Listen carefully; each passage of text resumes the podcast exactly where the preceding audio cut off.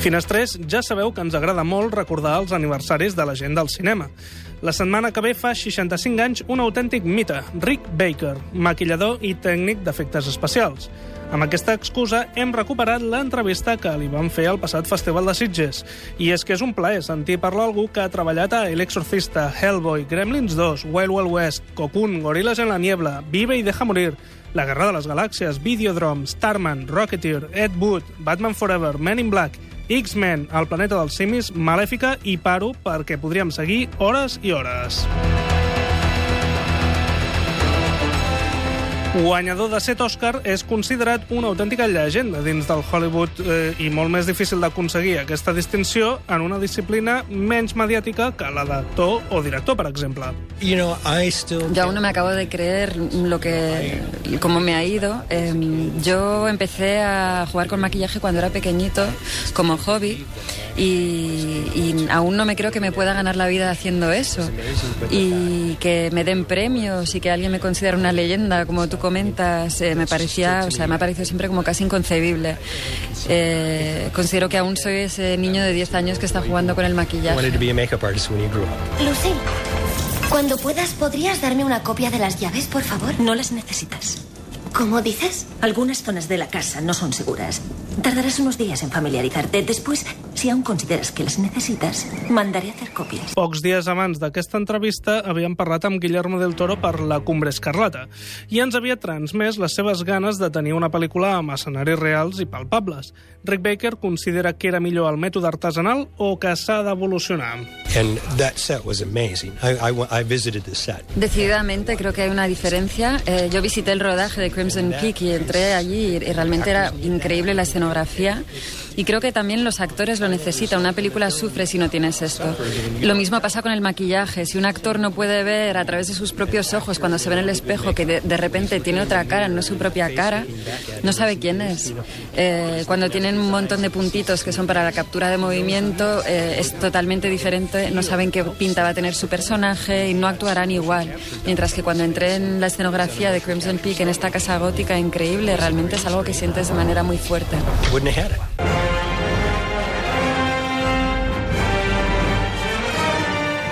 Seguint amb el tema, avui en dia ja és difícil distingir el que és maquillatge o el que són efectes especials.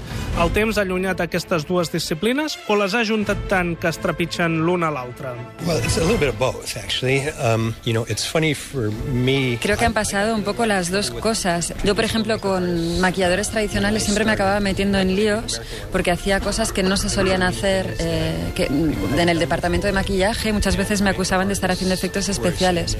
Cuando a mí lo que me parecía es que estoy haciendo como la evolución del maquillaje, sobre todo con esta película de John Landis de American Werewolf. Para mí era simplemente una manera de trabajar la evolución completa del personaje a través del maquillaje. I això no acaba aquí. La pregunta va resultar molt més polèmica del que jo podia imaginar. I eventually got into the makeup union,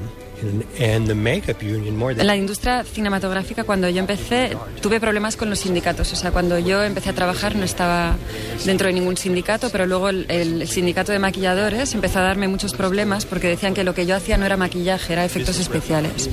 Y decían que un maquillador de verdad nunca obtendría un Oscar por maquillaje haciendo lo que yo estaba haciendo y que quizá no estaba dentro del, del- del sindicato correcto. De hecho, me iban a multar porque una vez se me acreditó como maquillador y efectos especiales y decían que no podías tener las dos cosas dentro de un único crédito y pregunté por qué me querían multar y dijeron que lo encontraban ofensivo. Y cuando yo decía, ¿por qué es ofensivo si es que a menudo ni se acredita al maquillador o sale como el, el último acreditado dentro de las películas? Entonces sencillamente dije, bueno, pues que os jodan, saco maquillaje de, los créditos y digo que estoy haciendo efectos especiales y es lo que preferís y ya está. Entonces al principio realmente fue una batalla, pero ahora está mucho más aceptado que haya como una mezcla de maquillaje con efectos especiales. Mientras que para mí no era una división, sino una evolución de- del maquillaje.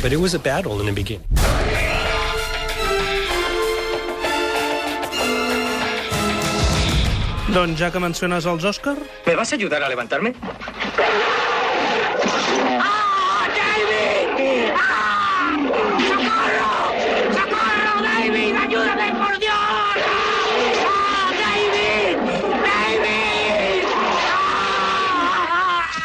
Jack,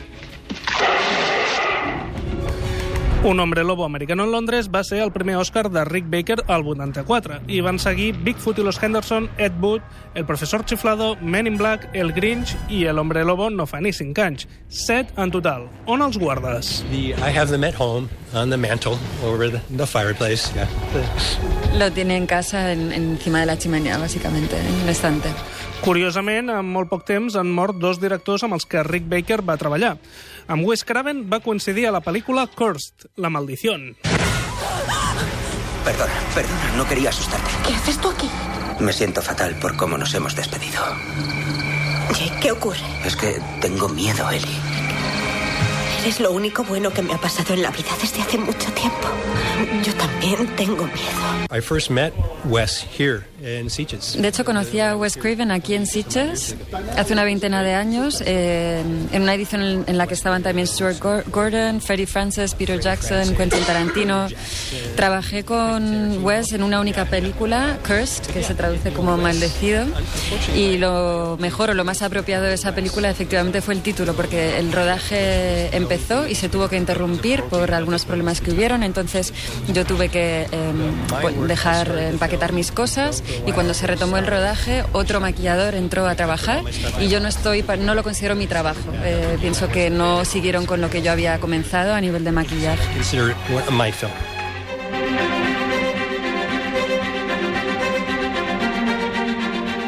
I l'altre director que ens va deixar fa no massa va ser John Guillermin, el King Kong del 1976.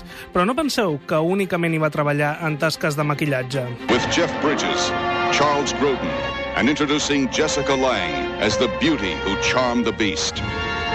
And starring the eighth wonder of the world, King Kong. John Gillerman, you know, this is when I did King Kong back in 1975, you know. En 1975 con John Guillermin hice King Kong y interpreté el papel de King Kong y siempre me trató súper bien el director. Hice la prueba como actor y, y improvisé un traje, trabajé eh, con el, el vestuario y llegué con mi propio traje a las pruebas. Entonces John Guillermin dijo, quiero que lo haga ese tío, lo hace mucho mejor que los otros. Luego, más adelante, en el King Kong de Peter Jackson, yo, yo soy el que mató King Kong, es el que estaba en el avión. Por eso me gusta también el logo de Sitges, porque es algo en, eh, es, es algo en, en los dos eh, papeles. King Kong and Airplane, so I was in both of those. So. Doncs ara ja ho sabeu, sota aquella disfressa de goril·la hi havia el bo de Rick Baker. I per acabar, pregunta obligada. De quina de les teves feines estàs més satisfet? Uh, well, you know, I, I, I will say, I mean, you know, American Werewolf was the movie that Eh, American Werewolf es un poco la, la película que me lanzó un poco a la fama, que me puso en el mapa. Hay otras que veo y que me da un poco de, de cosa verlas porque me parece que pues, se podría hacer mucho mejor lo que, lo que hice en ese momento. Pero otra película de la que estoy orgullosa es Bigfoot in Henderson's. Aún la veo y, y pienso que, que funciona muy bien el, el maquillaje y los efectos que hice para esta película. that I look at that today and I still think it looks good. George, ¿qué es eso? No lo sé, apenas lo he visto. Pero debe ser un oso. ¿Podría ser un gorila? Por aquí no hay gorilas tan grandes. Curiosa elecció. Està clar que ell sap distingir millor el que és una bona feina d'efectes malgrat el resultat general de la pel·lícula. Doncs res, espero que hagueu gaudit d'aquesta estona amb un d'aquells noms que ha fet més gran al cinema.